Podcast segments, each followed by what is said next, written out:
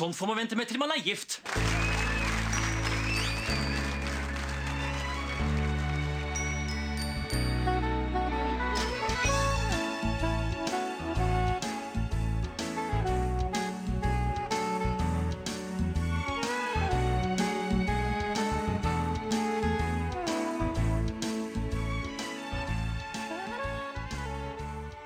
Hei og velkommen til en episode av Den norske filmpodcasten, hvor vi gjenser norsk film med et kritisk, men kjærlig blikk. Eh, Mitt navn er Emil Øversveen. Jeg sitter her med min gode kamerat. Stefan Kaliske heter jeg. Ja. Og I dag har vi sett eh, den filmen som TV 2s filmanmelder Geir Jardar Olsen kalte for tidenes beste norske film, og premierte med terningkast seks. Det er også en av de mest sette norske filmene noensinne. Den vippa Kristin Lavransdatter av tronen, selv om den mest sette norske filmen fremdeles er Flåklypa Grand Prix. Etterfulgt av eh, Operasjon Løvsprett fra 1962. Ja, En, eh. Ja. Det er også en klassiker. Hevder, hevder Stefan. Takk for faktasjekk på den. Hurra for Andersen gjør det også veldig bra. Ja. Fra 1966. Eh, Det er ikke de filmene vi skal dekke i dag. I dag skal det handle om Max Manus. Max Manus. Why do you want to be a saboteur, Max? My country was stolen from me, sir. And I want it back.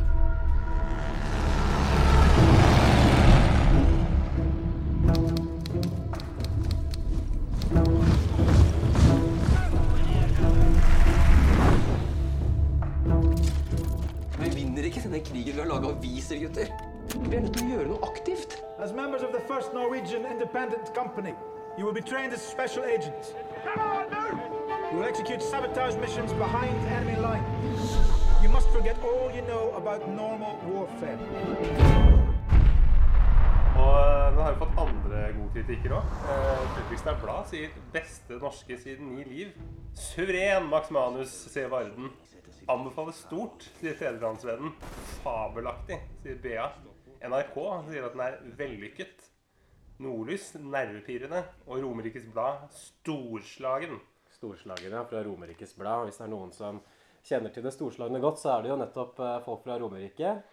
Jeg antar at denne filmen her er kanskje en film som de fleste av lytterne kjenner til, men kan jo likevel si at dette handler om eh, den titulære hovedpersonen, Max Manus, som var aktiv i den norske motstandsbevegelsen under andre verdenskrig. Og følger egentlig motstandsbevegelsen helt fra 1940, eh, etter den tyske invasjonen, til eh, frigjøringsdagen 8. mai 1945 og noen uker etter det. Og du blir jo veldig stolt av å være norsk når du ser den filmen her. Ja. Fordi norsk motstandsbevegelse de var jo på hugget fra start. Men en som ikke er stolt av å være norsk, det er jo Max Manus eh, på starten av denne filmen. Eh, helt i starten av filmen så møter vi Max Manus. Han ligger på sjukehus. Han har et flashback til eh, vinterkrigen, krigen mellom Finland og Sovjetunionen, hvor Max Manus kjempa. Og disse tilbakeblikkene går på en måte som en rød tråd gjennom hele filmen. Får inntrykk av at eh, Max Manus er nokså plaga av dem. Når han våkner på et sykehus med hjernerystelse, så går filmen litt tilbake i tid, og vi ser Max Manus på Karl Johan i midten av en tysk militærparade. Og det er her han sier det. Eh, Sovjetunionen kom seg jo aldri inn i Finland, de tapte den krigen. Mens eh, Oslo falt på bare to måneder. Og Max Manus er derfor flau over å være norsk. Ja, og han går på Karl Johan foran Stortinget sammen med Gunnar, altså Kjakan eh, Sønsteby, Ja, Spilt av Knut Joner. mm, som er eh, veldig glad. Måte, jeg husker ikke, men liksom, Når du ser Kjakan liksom, arkivbilder, så er han ikke så glad. Nei. Men han var ung, så var han veldig glad. Og så møter han vel Gregers Gram. Ja, I starten av filmen så blir vi jo introdusert i det som skal bli den norske motstandsbevegelsen. Så du har Kjakan, du har også Edvard Tallaksen og Kolberg Lauring. Sistnevnte er spilt av eh, Christian Rubek. De står og ser over Oslo, og Gregers Gram er spilt av ingen ringere enn Nicolai Kleve Broch. En blond Nicolai Kleve Broch. Og der starter jo et vennskap som varer livet ut mellom Max Manus og uh, Gregers Gram. Fordi det, det er en dialog der da, på en måte, hvor uh, Gregers Gram han har gått på universitet og liksom god utdanning og sånn. Og så sier Max Manus til Gregers Gram at du, det du sa, det er det smarteste jeg noen gang har hørt noen si. I hvert fall siden 9. april. Eh, nei, det de snakker om, er jo at de, de er nokså misfornøyde med Tysklands eh, maktovertagelse i Norge. Som var vel en eh, nokså vanlig oppfatning på den tiden. Eh, men det hadde ikke blitt noen organisert motstandsbevegelse ennå, så de driver egentlig og venter på at den skal ta, ta til. Og da sier Greger Skram at det er alltid noen som må gå først, og de bestemmer seg for å, for å starte en motstandsbevegelse som i starten tar form av en avis. Men Max Manus sier at vi vinner ikke krigen med å lage aviser. Men det er jo egentlig et sånn gjennomgangstema i filmen, dette her. Fordi en av de tingene som kanskje skiller eh, Gregers eh, Gram, altså Nicolai Klebrok sin karakter, fra Max Manus, som er spilt av Aksel Hennie, er at Gregers Gram er mye mer opptatt av propaganda og vinne en slags opinionskrig, bygge et sosialt eh, samhold. Mens eh, Max Manus er mer sånn våpenes mann, og det ser man også veldig mye tidlig i filmen. Han sitter gjerne med en rifle eller en pistol i hånda.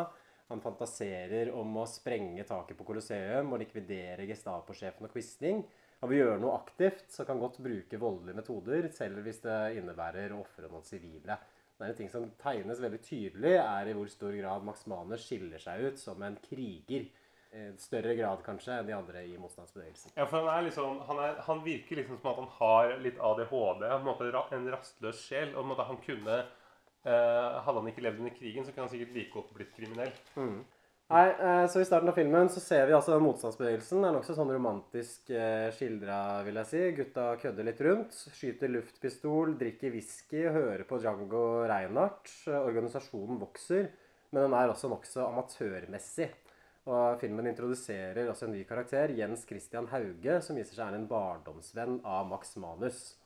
Og Hauge klandrer dem for å mangle disiplin, for å være for uorganiserte for å ta for store sjanser. Og Max Manus svarer da, ganske minneverdig, jeg vet i hvert fall hvordan jeg skal holde en pistol. Jeg vet ikke om du tenkte over det i, i denne filmen med interaksjonene mellom Max Manus og egentlig flesteparten av de andre karakterene, også, også Tikken, hun som etter hvert gifter seg med, så er det en sånn klassedynamikk. At man får inntrykk av at Max Manus er sånn lavere stilt enn de andre. Sånn som Jens Christian Hauge går jo i dress, og Max Manus sier at han skulle, egentlig skulle bli advokat.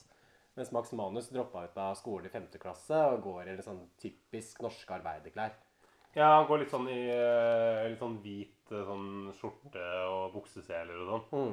Men um, du får jo også du får jo et liksom inntrykk av at Max Manus er liksom ikke den som er best likt av de folka her. Han er på en måte en sånn, han er en sånn hissigpropp. Han er Ja. alltid aggressiv. liksom hver gang han møter noen, annet med Jan Christian Hauge, så er han liksom Han er liksom skeptisk fra start og veldig sånn aggressiv. Du på en måte Han er litt sånn fyr som du føler at skaller ned folk på byen. på en måte, Ja. For at han blir for Han vil bare, han virker som han hele tiden vil ha bråk. da. Og Jens Christian Hauge er jo spilt eller en av mine eh, liksom, favorittskuespillere. Ja. Kyrre Haugen Sydnes. Kyrre Haugen Sydnes, ja. som er en kjenning. for Han har jo på en måte hatt mange store roller i norsk film. Blant annet i uh, storfilmen Pax så spilte han jo uh, lege, eller kirurg. Mm. Uh, minneverdig rolle. Ja. Og det er jo helt tatt veldig stjernespekket rollegalleri i den filmen her. Og det som er litt sånn artig også utover filmen, så flere og flere ganske sånn kjente norske skuespillere som introduseres inn i den motstandsbevegelsen. Det er blant annet han der rødhåra fyren fra 'Mannen som elsket Yngve' og 'Heimebane' er plutselig med. Og så kommer han Hva heter han igjen? Han som spiller i 'Exit'. Han Mumleper. Ja, mumle- Mumleper, ja. ja. Kjersti Holmen også har en sånn one scene wonder-scene hvor hun spiller moren til en av de motstandsgutta eh, etter han har blitt fengsla og seinere henretta. Noe som kanskje skal vise hvor, liksom, hvor harde og liksom, kaldblodige tyskerne er. ja. Sammenligna med nordmenn. da. Ja. Men eh, det er jo ikke bare tyskere som er jævler i den filmen her.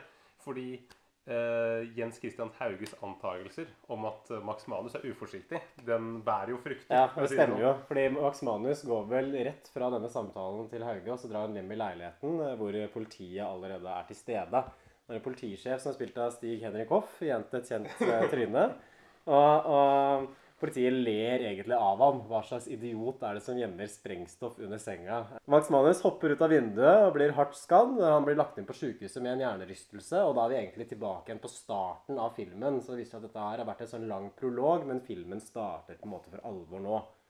Han verver en sykepleier, som spilte spilt av Julie Bakke Wiig, til saken. Hun formidler kontakt mellom han og utsida, hjelper ham å rømme. Og etter det så drar han til Skottland på en treningsleir, hvor han skal inn i Norwegian Independent Company. Det starter med et slags sånn jobbintervju med sjefen for dette her, kaptein Linge, som er spilt av eh, Pet Petter Ness. Og det må jeg si er en eh, figur som overrasker meg litt, at han var med som skuespiller i denne filmen der. For han har jo regissert bl.a. Elling-filmen og Bare Bea. Ikke naken òg, er han kanskje på samvittigheten. Hva, hva, syns du om, eh, hva syns du om Petter Ness sin rolleprestasjon i, i McMahon? Altså, det er jo, den er jo på en måte nesten like dårlig som, som Kjakan. Det er på en måte veldig sånn Du føler jo at det er en sånn amatørteater over det. Ja. Du skjønner at dette er jo ikke en fyr som er skuespiller.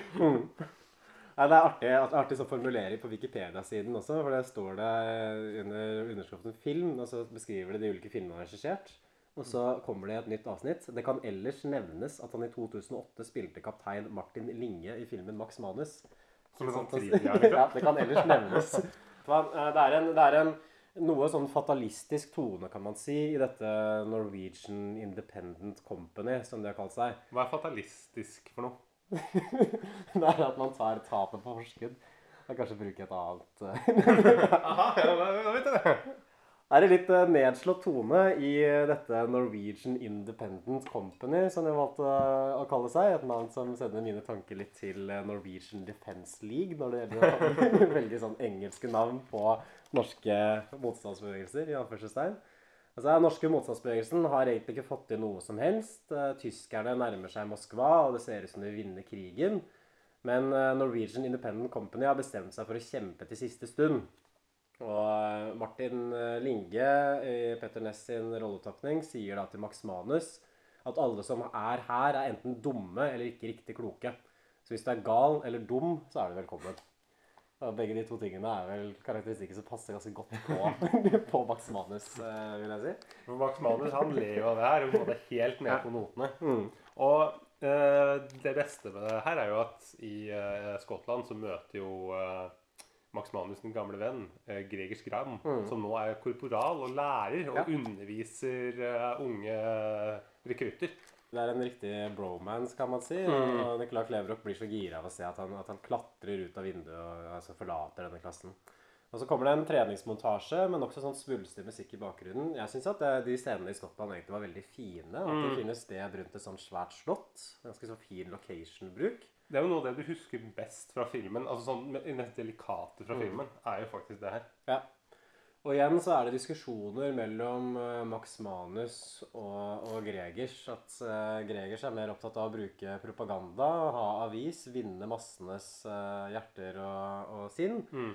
Max Manus vil bruke vold og ødelegge alt det tyskerne har, og så vinne over folk på den måten. Så det er en, det er en viss sånn derre karakterisering av Max Manus som betraktelig mer maskulin og mer voldelig og Ja, krigsfokusert. enn- for han er jo på en måte mer enn pikenes Jens. Mm. Og også det med at uh, Gram det, det, kom, det er en scene når de er i Skottland hvor, um, hvor de skal tilbake til Norge og kjempe. Ja. Og så får ikke Gram være med. Og Max Manus er sånn der, ja, 'Kom igjen, da. Bli med. Vi må jo bli med og slåss', og, og sånn. Mm. Og går og snakker med, med han der Linge, og så ordner det seg til slutt. Og Gram får være med. Ja. Men du får likevel litt inntrykk av at Gram egentlig Han har egentlig ikke lyst til å liksom, gå og kjempe i, eh, med sin gamle venn. Han har egentlig bare lyst til å være lærer i Skottland og liksom, utdanne unge rekrutter. Du merker at han, han virker ikke så veldig gira på, liksom, på å dra ut. Nei, han er litt mer, litt mer intellektuell, kan man si. Er kanskje litt mer sånn uh, skrivebordslærd.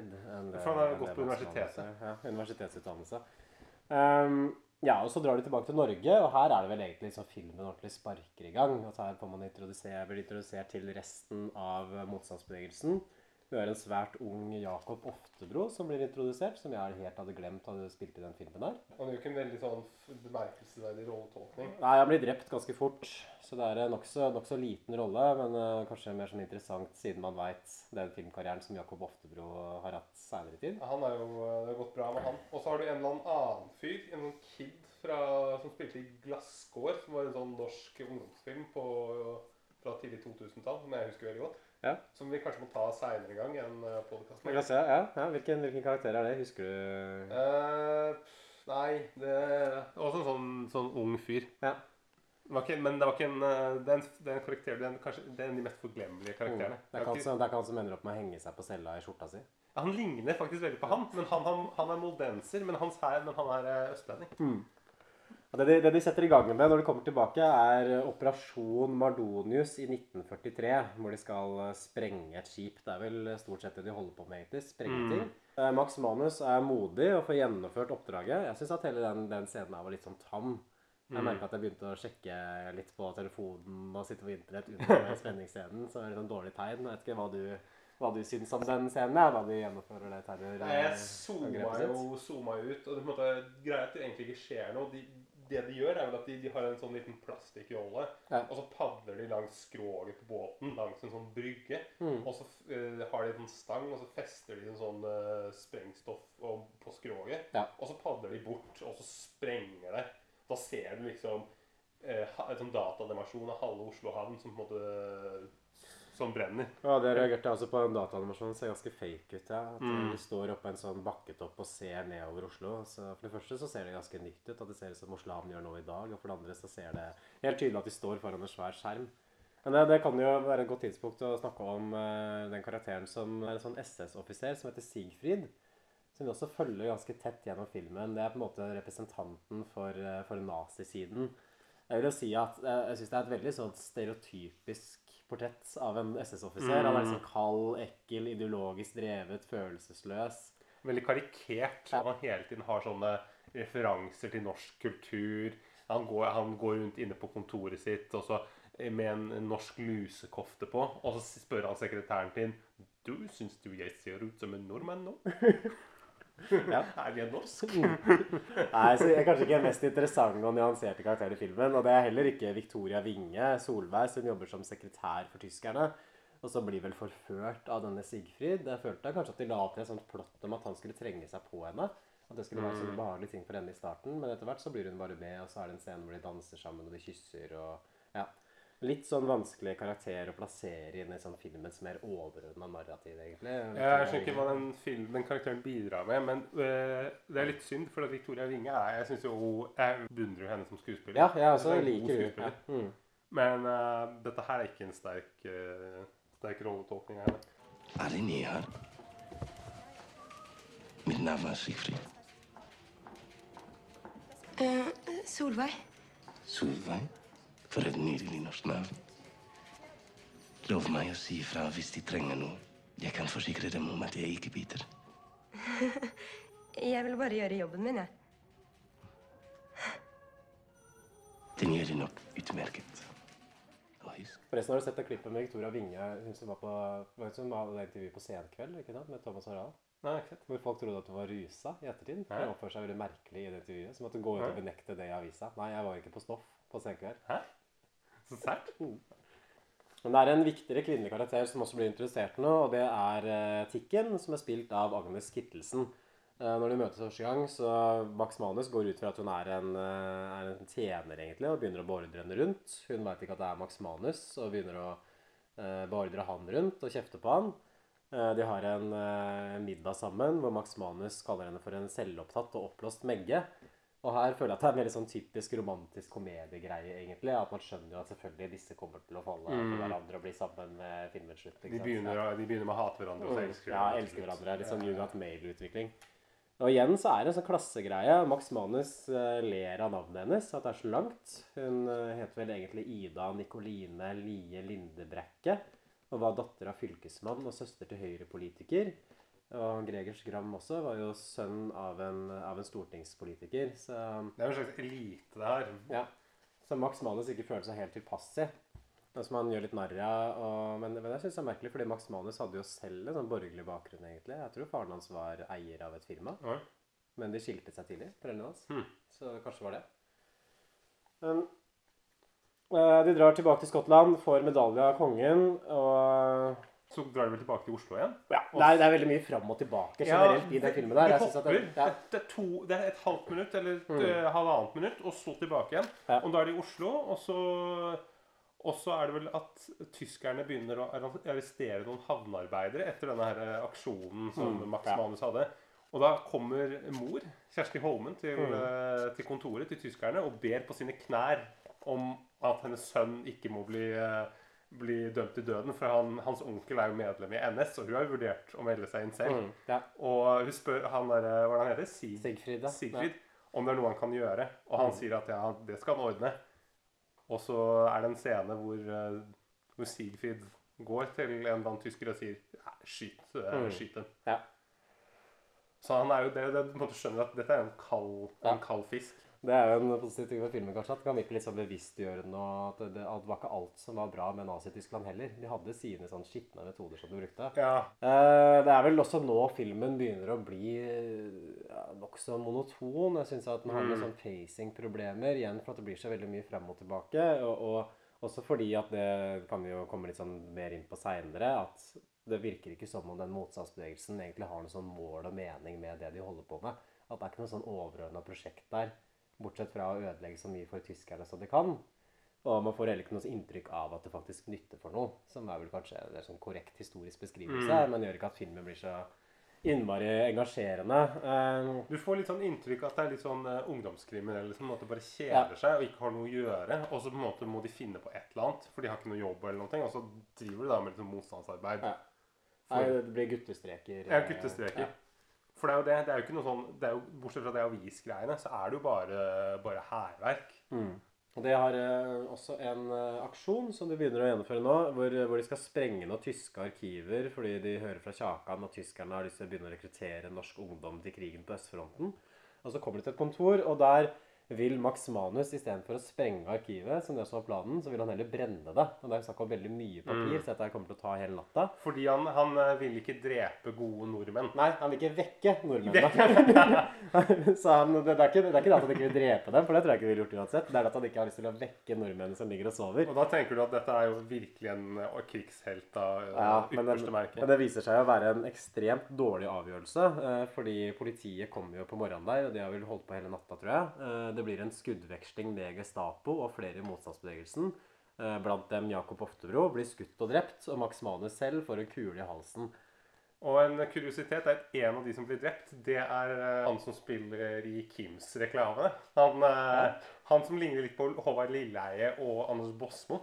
Han som på en måte Sånn eh, litt liten eh, og liksom godt stappa fyr. Ja. Som, som blir skutt av tyske motstandsfolk. Nei, for jeg tror jeg drev og noterte akkurat da den scenen kom, fordi jeg så liksom bort akkurat da drapet skjedde. Og etter det så klarte jeg ikke å finne ut hvilken, hvem i motstandsbevegelsen var det egentlig som mista livet. Så Vi det- så han aldri noe annet sted. Men det kan bare være at han tilfeldigvis bare gikk forbi. Ja. Så det, det er vel her at dette her eh, amatørmessige begynner å dukke opp igjen. Og man får jo inntrykk av Max Manus som en nokså sånn uansvarlig og uproff motstandsmann. Det en scene scenen rett etterpå hvor han skyter seg ved et uhell. For han sitter og leker med en pistol rundt et bord. Mens han også driver og, driver og plager han Kjakan Sønsteby ja, tilsynelatende sånn ingen grunn. Bare sitter og disser han egentlig. Litt sånn ufint. Ja, det, det er noe sånn at, han er, at Kjakan er en feiging og, å ja, se på meg. Ja, At han er feig og svak, så det er vel det Max Manus syns om ganske mange folk, da. Og ender opp med å skyte seg sjøl i magen og må, og, og må da dra til Sverige i all hast for å, for å få ut den kula. Der, her kan vi kanskje snakke litt om uh, han skuespilleren som spiller Kjakan Sønsteby, uh, Knut Joner. Eh, Du hadde en oppfatning av, av Knut Joners Ikke Kristoffer Joner, altså. Knut Joner. er Fetteren til Kristoffer. Ja, ja, er det? ja, fetter til Kristoffer Joner, Å, ja. Mm, så det er slekt. Men altså, det, er jo, det er jo en grunn til at jeg aldri har sett Knut Joner igjen. Fordi altså, at den, den rolletolkningen er jo um, altså han, For det første så spiller han jo mye gladere enn det Kjakan er på ordentlig. For at Kjakan er jo på en måte var en sånn surpomp som satt på TV liksom, og hadde fortalt om krigen. Han slo meg aldri som en veldig sånn lystig kar. Men han Knut Joner er jo på en måte, har jo et smil på lur og virker som en sånn ganske sånn glad, hyggelig fyr. Men, men rolletolkningen er jo altså Den framstår jo som veldig slapp. Jeg er enig. Veldig flat replikklevering. Mm. veldig litt sånn typisk norsk filmtype replikklevering, som ellers ikke filmen skjemmes noe av i noe særlig grad. Jeg syns egentlig skuespillet er ganske godt. Men eh, videre i historien. eh, nå går vi inn i det som nok er filmens mest sånn stillestående parti. Det skjer litt sånn, sånn adspredte ting. Eh, blant dem er at Gregers Gram blir drept av tyske politiet. En sånn stingoperasjon.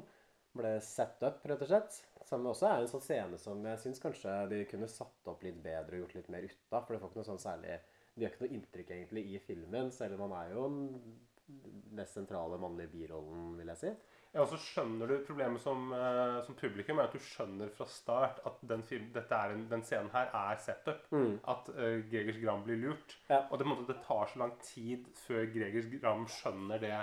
Det liksom, alle, Hele publikum har skjønt liksom fem minutter før. Ja, at her er det noe gærent, ja. Mm, her er det ugler i mosen. Fordi det er en eller annen fra Gestapo som skal gi noe Gregers Gram informasjon, ja. og så sitter det noen Gestapo-folk i baren med Ja, men tidenes mest åpenbare Gestapo-folk også. De Ja, sitter der i med sånne svære, svarte skinnjakker i det er baren. sånn parodi på Derek, Ja. liksom. Nei, altså, etter det så skjer det vel ikke så spesielt mye i filmen. At de gjennomfører dette Donau-angrepet, som var vel kanskje motstandsbevegelsen, eller i hvert fall den motstandsbevegelsen som Max Manus var en del av sitt store høydepunkt. De sprenger noen noe tyske krigsskip. Og så kommer frigjøringsdagen etter det, eh, rett og slett. Og nasjonen blir frigjort. Og da går jo Max Manus inn i det som virker som en litt mørk periode, egentlig. Jeg er sånn overraska hvor lenge filmen varte etter den frigjøringsdagen. Mm. Jeg, jeg var helt sikker på at filmen var ferdig da frigjøringsdagen kom. At nå tenker jeg at nå er det kanskje én scene igjen hvor han kjører får en sånn her parade. Og den scenen kommer jo, og det er avslutningsscenen, selvfølgelig. Eh, men jeg tror det er, vel, det er vel nesten sånn 20 minutter tror jeg, etter frigjøringsdagen fram til filmen faktisk er slutt. Det føltes i hvert fall som 20 minutter. Ja. Er At han sitter hjemme i leiligheten sin og drikker, og alle andre er rundt og feirer, mens Ja. Max Manus vet ikke hva han skal gjøre. Han har ikke noe utdanning, ingen jobb. Og så kommer Tikken og sier at nå må du, nå må du skjerpe deg, Ja. Max. Han ligger bare og drikker, egentlig. Eh, Han føler seg ubrukelig. Han savner kameratene sine, alle de som døde i løpet av motstandsbevegelsens eh, eskapader. Kanskje litt sånn poengløst nå, kan man si, Man mm. oppnådde ikke noe sånn spesielt mye. Uh, man føler seg skyldig som overlevde. Og så har vi da absolutt siste scenen i filmen, hvor det er en parade foran rådhuset. Max Manus feires, men ser veldig ukomfortabel ut. Mm. så kommer det vel et slags smil der på slutten, og da fryser bildet, og så er filmen over. Og så får vi en sånn, sånn klassisk med noen sånn tekst og tilbakeblikk. liksom, ja, hva, hva skjedde med Max Manus etter krigen og alle de andre Skjønner ikke hvor lykkelig er du. Kanskje du er en av de jeg skal ta livet av når vi senker Donau? Kanskje ligger du der i det iskalde vannet og svømmer og skriker etter mor? Vi skal begge dø. Men det er bare jeg som kan dø med smil om munnen, for jeg vet at vi kommer til å vinne.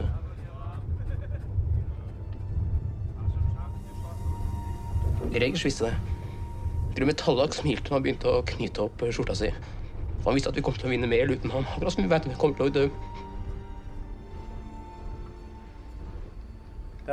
Han, han gifta seg med hun Tikken, så hun ble jo kona hans. De hadde et veldig lykkelig vennskap, selv om han drakk veldig mye. og var Ja, hadde deprimert. nerveproblemer, ja. ja. Til tross for det så holdt de sammen. Eh, det startet et kontormaskinfirma. Eh, Kjakan ble forretningsmann.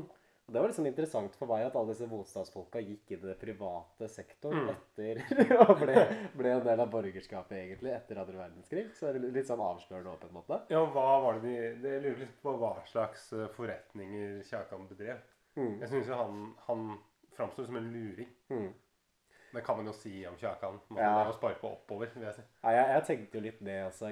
altså. Særlig fordi at Kjakans karakter blir jo liksom svekka i filmen og skuespilleren er så dårlig. Men jeg, jeg lurte liksom på hvorfor handler ikke denne filmen om Kjakan? Ja, for, Fordi han er jo den mest dekorerte nordmannen gjennom tidene, tror jeg. Og var vel egentlig en større figur i den motstandsbevegelsen. Men hvorfor har de valgt akkurat Max Manus som hovedperson i den historien? Det, ja, og så er det jo på en måte Kjakan har vært mye mer markant i ettertid. Men liksom, det, er- hvis, du, hvis du har sett en krigshelt på TV, så er det jo alltid han. ja. Og ja, jeg, jeg, jeg syns jo han har på en måte Han har jo en bedre, bedre framtoning. Mm. Og jeg, jeg føler ikke at filmen har vært så vesentlig forskjellig som, som Aksel. Hennie. Aksel Hennie kunne spilt eh, Gunnar Søsteby. Han kunne ja. bare tatt den rollen. Det, det, det det. helt likt, og det er ikke så veldig forskjellige. Kanskje det er litt kortere hår. Og det kan vi også si at det, det er ingen av karakterene som, som ligner på de de spiller, bortsett fra Jens Christian Hauge og Kyrre Haugen Sydnes, Ja. som faktisk ligner, Mm. eh, ligner på hverandre. Ja. Du syns det er et uh, Det er viktig når du ser historiske drama, at du må se ut som de personene. som er. Særlig når det er snakk om liksom obskure motstandsfolk. Jeg tenker det er litt sånn realistisk. Jeg har jo sett uh, fjeset til Max Manus uh, før. Han ligner jo ikke på Aksel Hennie. Jeg vil jo si at jeg, Hvis jeg hadde vært Max Manus og sett det her, så hadde jeg jo blitt skuffet. Ville du skuffet og ble portrettert av Aksel Hennie? Jeg synes jo Max Manus var jo en penere mann Ja. enn eh, det Aksel Hennie er. det skal ikke så veldig mye til. altså. Aksel. Hennie er ikke så kjekk. Hvordan syns du, hvordan syns du Max Manus framstår som person i denne filmen? her? Hva slags inntrykk er det man får av mennesket Max Manus? Uh, nei, for det, du går jo Du kommer jo aldri helt liksom, ned på- i, liksom, i dybden eller inn i materien her. Det blir på en måte veldig overfladisk. Han Mm. virker jo som en, eh, sånn, en, en sånn rastløs sjel med veldig mye aggresjon. Ja. Og som sagt, han kunne på en måte like godt vært uh, som uh, kriminell. Altså på en måte tilfeldighetene vil ha det sånn at det er krig, og Mm. da kan man på en måte få ut denne aggresjonen på en eller annen Ja.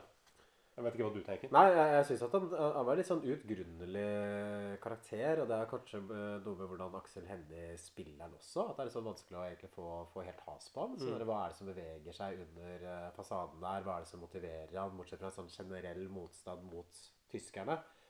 Som selvfølgelig er jo lett å, å empatisere med som seer, fordi alle er jo enige om at Nazi-Tyskland ikke var noe bra. Mm.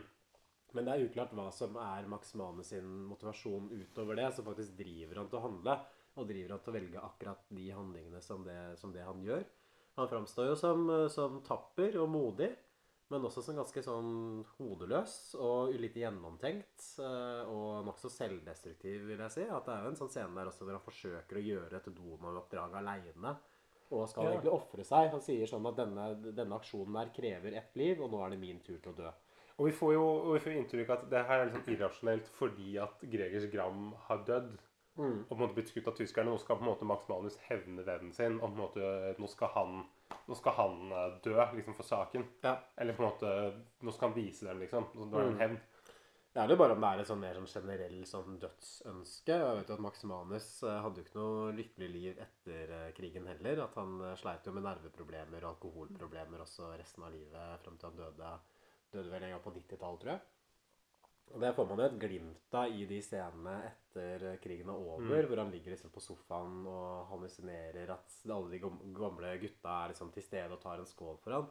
Jeg tror kanskje filmen kunne gått litt dypere inn i og kanskje problematisert karakteren mer. At det hadde gjort den mer interessant. Ja, fordi det er jo det er problemet at det blir, det blir for overfladisk. Og, og det er jo vi kan jo hoppe over til det òg, men det er jo problemet med den filmen at den har litt sånn Den er på en måte noen sånne løse tråder som den ikke følger opp. Blant annet det der med hun eh, hun som jobber, Den norske karakteren Victoria Victoria Vinge, ja. mm. som jobber hos tyskerne. Som jobber hos han derre Sigfrid. Ja. Og som eh, I begynnelsen så virker det som at hun på en måte har problemer med Sigfrid og stritter litt imot, og hun skal slutte i jobben. Mm. Men eh, etter hvert så ser vi liksom at de danser og holder rundt hverandre. Og hun Ja, måtte virker. også, ja. Mm, måtte, og åpenbart liksom det er, ikke, det er ikke ufrivillig her. Nei, den karakteren overraska meg, fordi jeg tolka egentlig henne For jeg, husk, jeg huska ikke filmen så godt, så jeg trodde at hun kom til å bli en slags dobbeltagent for motstandsbevegelsen. Det var det jeg trodde kom til å skje med den karakteren. Men istedenfor så Nei, hun blir jo en slags overløper, da. Vi ser henne jo også etter at Donau er eh, sprengt, så ser vi at hun kommer og ser sånn bekymra og trist ut på, ut på uh, havarerte skipet. Så det er sikkert en scene som ble filma, men som kanskje er klippa bort. Som jeg regner med en sånn scene med Max Manus som barberer hodet hennes eh, etter krigen var ferdig. I forbindelse med krigsoppgjøret. Eh, Det var jo også en debatt eh, Filmen fikk jo veldig god mottagelse, som vi starta med å slå fast. Men det var en debatt om den også, sånn særlig fra et historikerhold, hvor den ble anklaget for å overvurdere og skjønnmale den norske motstandsbevegelsen. Eller den norske motstandsbevegelsen som Max Manus var en del av. Det er jo viktig å huske at det var jo mange andre motstandsbevegelser. Du hadde jo Osvald Pelle-gruppa. Ja, Pellegruppa, ja. ja. Osvald-gruppa de var jo kommunister og var vel opererte jo på ordre fra Sovjetunionen, så man kan jo skjønne kanskje at den filmen her ikke ble laget om den. Men eh, hva, hva tenker du? Syns du filmen overdriver hvor viktig den motstandsbevegelsen var? Um, ja, for den, den, den uh, Vi ser jo på en måte det, det lille de gjorde. Og det er jo på en måte det som egentlig Donau, og på en Mm. måte noe, det var noen jernbanelinjer, og så var det den båten der. Ja, Jernbanelinje vises vel ikke. Men det er, Nei, det, vi bare er hører om det. og så er det en annen båt. Mm. Og den avisa. Så det er Ja. de fire tingene som man ser som de konkret gjør da, i løpet av filmen. Men det blir jo, det blir jo, det blir jo blåst opp litt. Du, du, den Donau, og den scenen, hviler jo veldig mye tid i slutten. Ja. Og, og det er jo sånn som vi, du var inne på også, at på måte, det er jo ikke så veldig dramatisk. Nei. Det framstår ikke som dramatisk. Jeg greier ikke å fange meg i det hele tatt. Og for min del så er det den eneste scenen hvor jeg blir litt revet med, er i Donau-scenen når, når de sabotørene her de har kledd seg ut som elektrikere og går, Mm. kommer seg på en eller annen måte inn, og så planter de bomba, og så skal de ut igjen.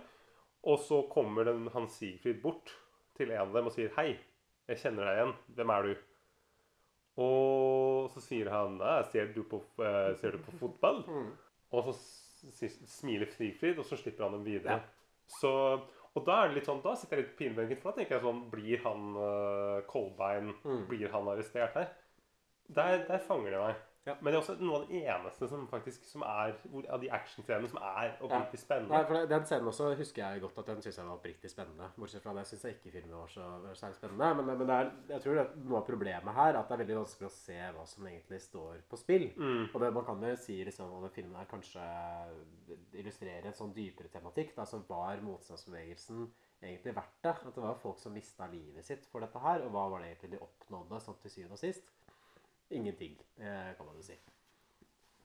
Og Det, det synes jeg for så vidt også kommer tydelig fram bare i handlingen i filmen. For det er jo ikke noe mål og mening i det de holder på med. Og det virker ikke som de har noen sånn overordna strategi etter at de forsøker å oppnå med å sprenge disse skipene. Og det, det virker som de er mer sånn opportune. Ja, her har vi muligheten for å brenne et arkiv eller sprenge et skip. Det passer bra for oss, og da gjør vi det her og nå. Men om de har en sånn der generell plan eller en sånn idé om hvordan er det det vi holder på med, skal bidra til å svekke eh, tyske okkupasjonen, det viser i hvert fall ikke filmen oss. Og jeg mistenker jo kanskje at det er fordi den planen ikke eksisterte i virkeligheten heller. Og jeg synes jo også eh, motstandsbevegelsen, eller hele filmen egentlig, framstår som veldig sånn frakobla selve krigen. og Man får ikke noe sånn inntrykk i hvordan okkupasjonen opplevdes for det norske folk. Jødedeportasjonene vises jo ikke. ikke sant? Det nevnes jo ikke med et eneste ord. Men det at eh, MS Donau var det ikke det? Eh, Som frakt, altså, måte, som, at Donau frakta jøder, det, det sies det jo ikke noe om i det hele tatt. det nevnes det, ikke. det eneste sånn innblikket vi får på, en måte, på noen vanlige mennesker, er jo eh, moren som kommer og ber for sin sønn som skal skytes. Ja. Men det, det, det er jo det eneste. og Det sier Mm. ikke Og det er jo ikke en vanlig De fleste nordmenn ble jo ikke skutt. Ja. Eller på en måte, de, de hadde jo helt, helt greit under tysk styre. Nei, det, det framstilles som en veldig sånn generisk okkupasjonsmakt. Og det, det er jo litt sånn merkelig også, særlig det der med jødene Donau-skipet. Sånn, det, det, men det kan jo filmen gjøre, for alle veit jo på en måte det med om nazistene, og hva de sto for, og hva de representerte. Men for en seer som ikke hadde visst, som fra sett at man har levd skikkelig under en gigantisk stein, og ikke var klar over jødedeportasjonen og sånn, så kunne man jo kanskje ha sett den filmen og blitt sånn derre Hvorfor er de egentlig så kritiske til den opposisjonen der? Fordi filmen gir ikke noe sånn eksplisitt argument for hvorfor den nazistiske okkupasjonen var så dårlig som det den var. Det er bare at de snakker på en litt sånn ond måte og har litt sånn eh, skumle klær. De fremstår som, som ondskapsfulle, ja. ja. For det er jo også interessant. Det er på en måte, hvis du, for dette er jo en film som åpenbart er laget som på en måte at den skal selges internasjonalt. For at den, er litt sånn, den har en sånn Hollywood Ja, ja. Et sånt forsøk. Det er på en måte en Mm, norsk Hollywood-film.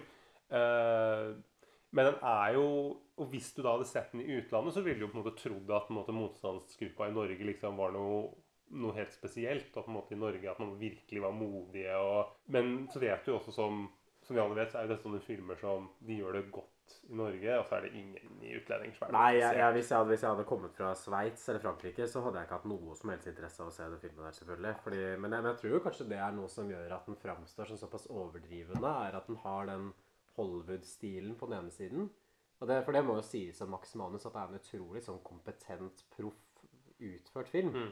Uh, den har noen narrative problemer, vil jeg si. Noen sånn pacing-problemer, særlig i andre halvdel. At den oppleves som litt sånn retningsløs til tider. Men når det kommer til uh, bruk av lokasjon, bruk av rekvisitter, skuespillet jevnt over, bruk av musikk, så er alt ganske proft gjennomført. Det er sånn generisk og kjedelig, Ja, men det er proft gjennomført. Men da får du på en eller annen måte den krasjen mellom den voldsomme Hollywood-innpakningen, sånn stilen i filmen, og det som filmen faktisk handler om, det de i motstandsbevegelsen faktisk gjør. Men jeg tror det er den liksom, avstanden med at de forsøker å framstille som noe som er så grandiost og så stort, når det egentlig er sånn glamoriserte guttestreker og veldig sånn lavskala terrorangrep som det gutta faktisk holder på med. Ja, for det er på en måte en slags, eh, det er en slags Olsenbanden i eh, Ja. liksom krigsmunder. Ja, Det blir som om man skulle spilt inn en Olsenmann-film, men i stedet for å ha hatt liksom den Olsenmann-stilen, så skulle man liksom prøvd å ha en sånn eh, Christopher Nolan, The Dark Knight, sånn Batman av den type stil, men bare hatt akkurat den samme historien at Egon Olsen kommer ut av fengsel. Det føles på litt den måten der å lese. Ja, det er litt sånn sånn, den, den, siste, den siste scenen i, når Max Manus kjører på, forbi Rådhusplassen, er jo litt som i uh, Egon uh, Olsenbanen nummer 12, hvor uh, Egon eh, liksom eh, fly, skal fly av gårde fordi at han liksom har reddet, eh, han har reddet verdensfreden. Mm. Og på en måte Hermansen står og spiller i et orkester, og, og, på en måte han er en folkehelt. Ja. Det er jo på en måte, det akkurat, Jeg får jo akkurat den samme følelsen. Mm. Bare at eh, Bare at eh, Aksel Hennie går med beret, men, mens Arve Oppsal går med, med bowler. Nei, eh, men eh, en ting som Max Manus gjør, da, fordi filmen var jo ekstremt vellykka, selvfølgelig, at jeg, jeg føler at den litt sånn etablerer den moderne norske historiske filmen. De store norske historiske dramaene som gjerne handler om andre verdenskrig. Og siden Max Manus så har man hatt en rekke sånne filmer, sånn Kon-Tiki. Eh, Joakim Rønning og Espen Sandberg har jo personlig gått videre til å regissere Kon-Tiki i 2012. De har også faktisk eh, regissert en eh, Pirates of the Caribbean-film, 'Salazar's Revenge'.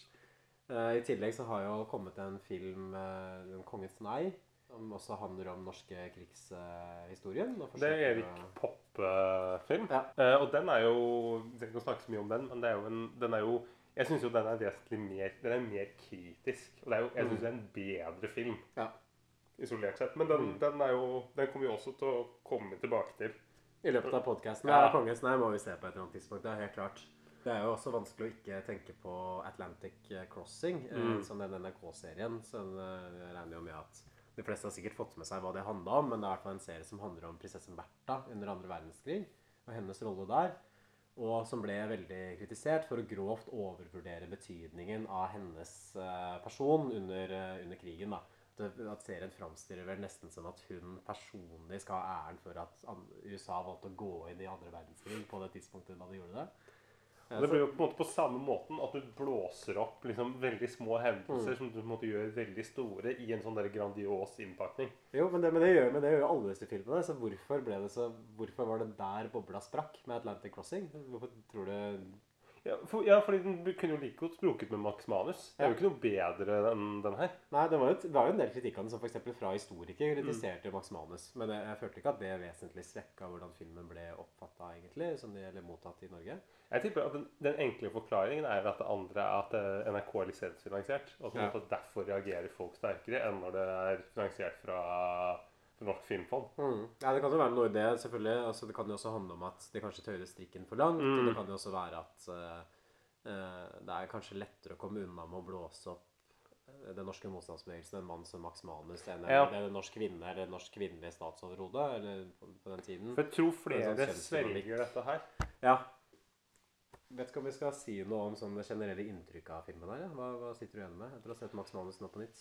Ja, fordi jeg så den jo Jeg var jo en av de få som ikke så Max Manus da den gikk på kino. Mm. Uh, Jeg, jeg så den på kino. Ja, du var, eh, du var en av dem. Ja. Ja, fordi eh, Og, og jeg, jeg ble jo faktisk Da jeg så den i ettertid, så tenkte jeg sånn Dette er en helt, det er en helt brukbar film. Den er liksom litt pompøs og på en måte kanskje uh, ikke, ikke, sånn veld, ikke veldig underholdende. Men det, det funker det helt greit. Mm. Når sånn igjen nå, så måtte jeg, greide jeg ikke å se hele. Jeg måtte, jeg måtte dele den opp i to perioder for å greie å komme igjennom. Og noe, altså noe av grunnen til det er jo fordi at uh, det, går så jævla, altså, det går så jævla sakte.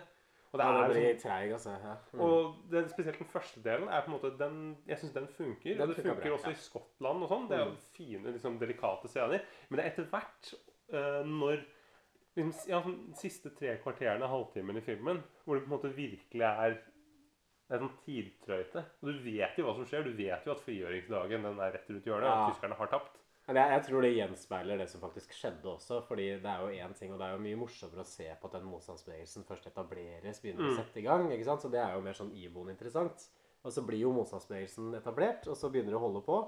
Og så skjer det ikke noe sånn spesielt mye. Så jeg tror det er litt det filmen lider av. Men da kunne jo kanskje filmen enten vært litt sånn kortere, eller valgt å kanskje vise litt mer av nyansene, sånn teksturen, hvordan det oppleves å bo i Norge under okkupasjonen. Kanskje mer av Max Manus sitt eh, privatliv, som vi ser jo veldig lite av egentlig i filmen her. Det er jo kun egentlig at han sitter og snakker med andre opposisjonsfolk. Og det er alt vi ser. Jeg så jo denne på kino i 2008, så da, da filmen kom ut. Eh, helt greit da, og jeg likte den egentlig helt greit da jeg så den på nytt. Så jeg tror vel jeg egentlig hadde nøyaktig samme vurderingen av den. Så men jeg, jeg ble overraska, for jeg trodde at den skulle være dårligere enn det den, det den var. altså, ved gjensyn, det må jeg si. Kanskje vi skal eh, prøve på noe nytt og gi filmen et terningkast? Terningkast, ja. ja. For det er greit. Eh, for meg så er den her eh, det er en klar terningkast to. En toer. Ja, det er ikke, det er ikke grusomt, uh, men det er heller ikke så veldig mye bedre enn det. Nei, men toer, er ikke det ganske grusomt, da?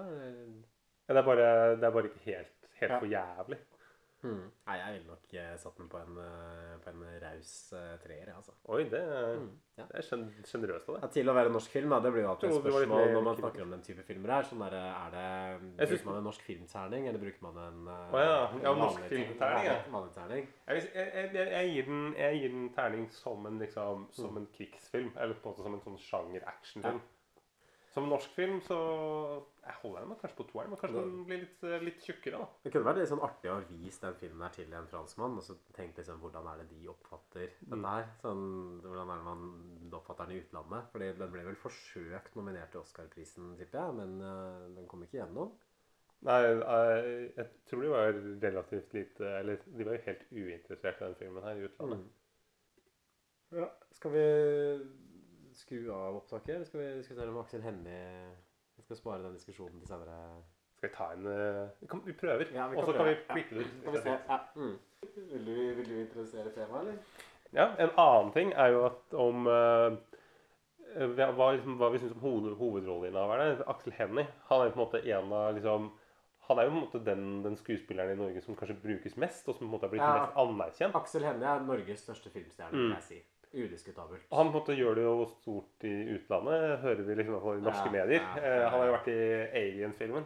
Mm. Han sa vel ikke så mye der, men måte, han bidro liksom med liksom, mye kroppsspråk og sånn. da. Mm. Og det er jo en viktig del av det å være spiller vel i den Hercules-filmen òg, gjør det ikke det? Hercules, ja. Ja, ja. Er han Hercules? Nei, nei, nei, nei, selvfølgelig. Han spiller ikke hovedrollen der, men han er en bi- bikarakter. Oi.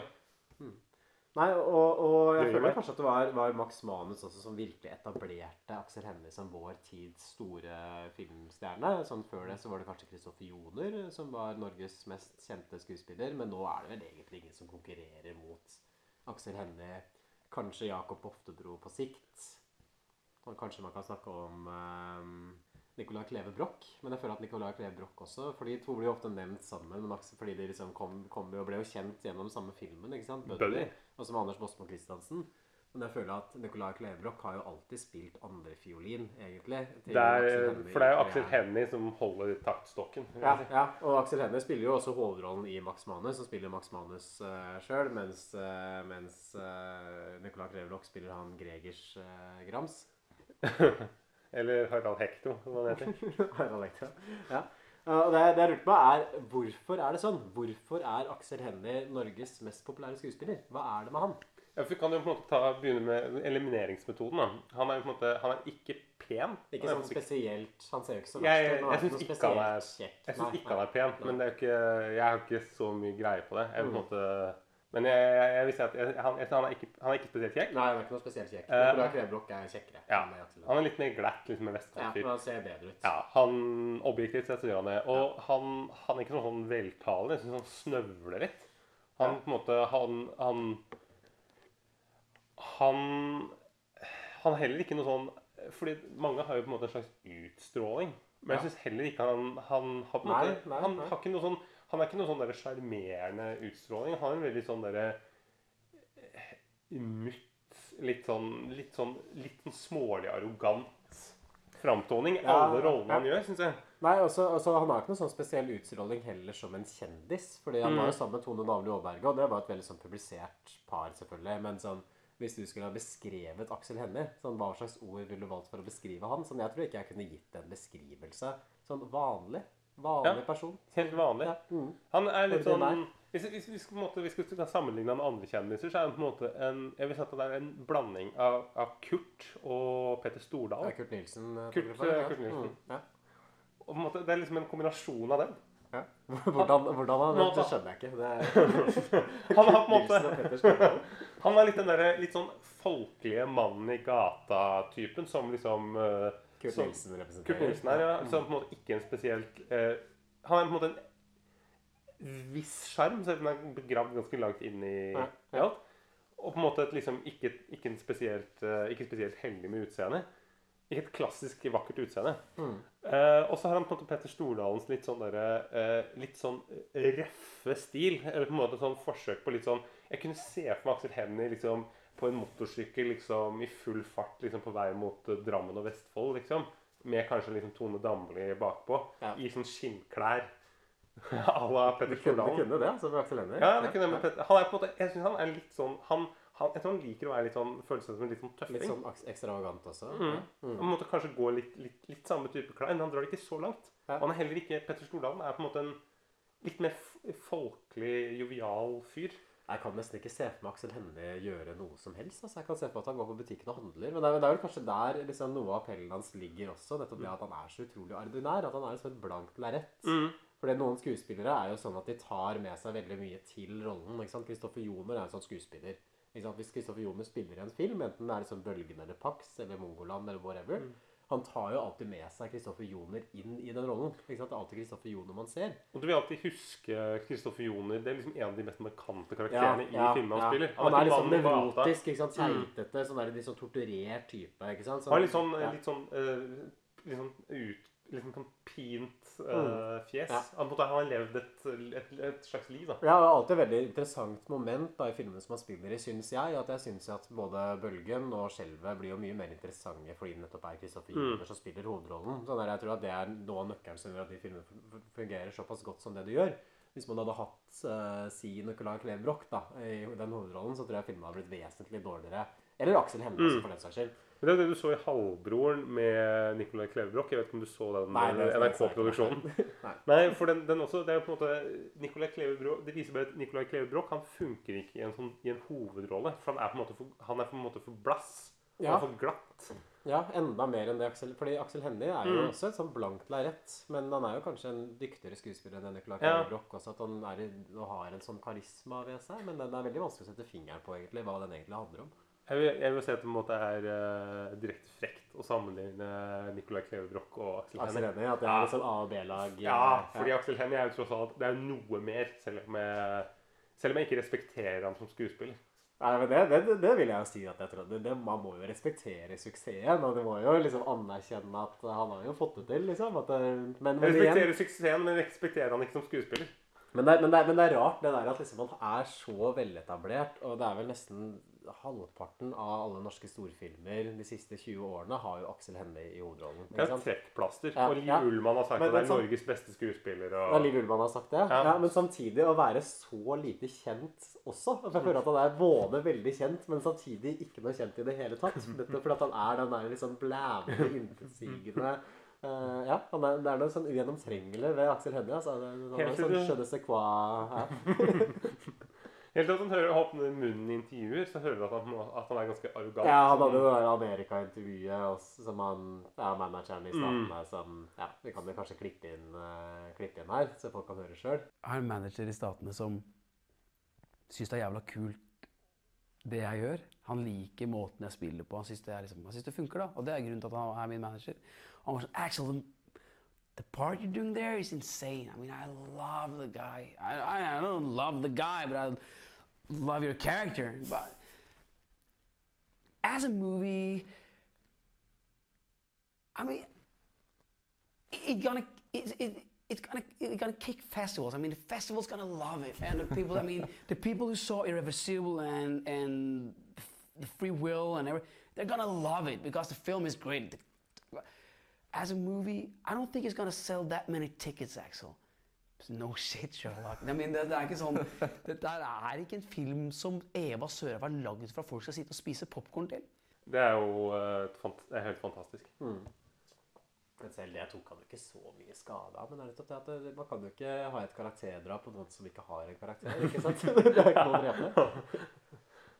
Kanskje skulle vi sånn si at det, liksom, det var liksom eh, På den der så er Ja. vi eh, ferdig. Ja. Da gir vi oss, ja. ja. Ja. Det var en, et verdig punktum for den podkasten. Skal skal vi, skal vi trykke på Uh, kan ta stopp.